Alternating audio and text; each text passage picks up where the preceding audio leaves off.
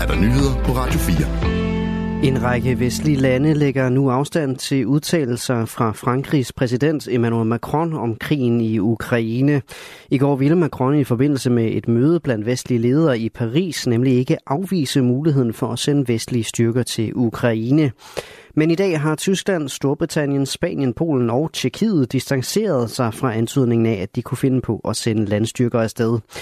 Siden er der blandt andet fra Tyskland kommet en ganske kategorisk afvisning.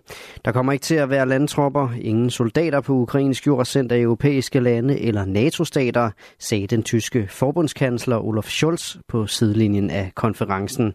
Også den danske forsvarsminister Truls Lund Poulsen har afvist danske soldaters tilstedeværelse i Ukraine.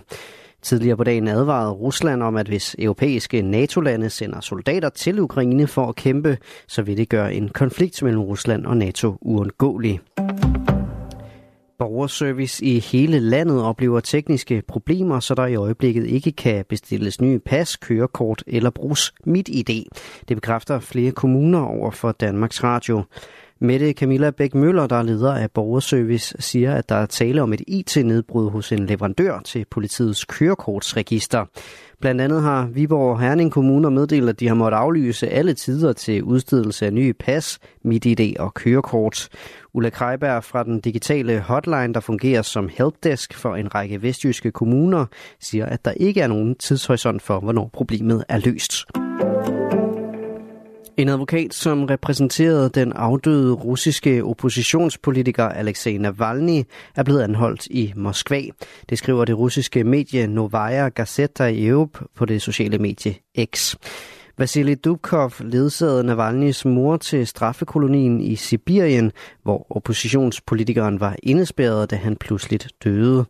Dubkov er ifølge Novaya Gazeta Europe blevet anholdt for at forstyrre den offentlige orden. Det er ikke landbrugets skyld, at mere end hver anden drikkevandsboring er forurenet med rester af pesticider og andre giftstoffer, det siger Walter Brysch, der er geolog ved Danmarks Naturfredningsforening. Danske regioner har sendt et drikkevandsudspil til Miljøminister Magnus Heunicke i dag. Her fremgår det også, at der i mere end hver tiende boring er forurening over grænseværdien. Og selvom landmændene altså er dem, der sprøjter afgrøderne med pesticider, så er det ikke dem, der har ansvaret, siger Walter Brysch. Det er jo virkelig slet ikke landmændene, der har skyld i det her, fordi de bruger jo kun godkendte stoffer. Men hvem har godkendt stofferne? Jamen det har Miljømyndighederne, det har Miljøstyrelsen. De godkender stadig pesticider, der går i grundvandet, ligesom de har gjort det gennem de sidste 30 år. Fordi de tillader simpelthen, at pesticiderne nedvaskes op til grænsværdien. Men de bruger jo sådan nogle øh, modeller, som aldrig er nøjagtige, og vi bliver ved med at finde nye stoffer, også godkendte stoffer i grundvandet. I deres drikkevandsudspil anbefaler danske regioner, at man giver regionerne ansvaret for at lave et overblik over alle truslerne mod grundvandet.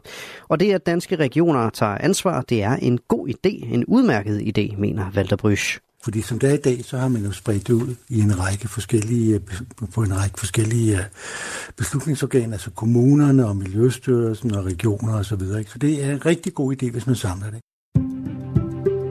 I aften og i nat tørt og skydevejr med temperaturer ned mellem frysepunktet og 3 graders varme. Vinden tiltager og bliver efterhånden let til frisk fra syd og sydvest.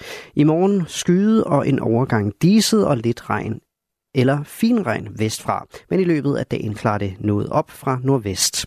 Således et nyhedsoverblik her på Radio 4 med Asbjørn Møller i studiet.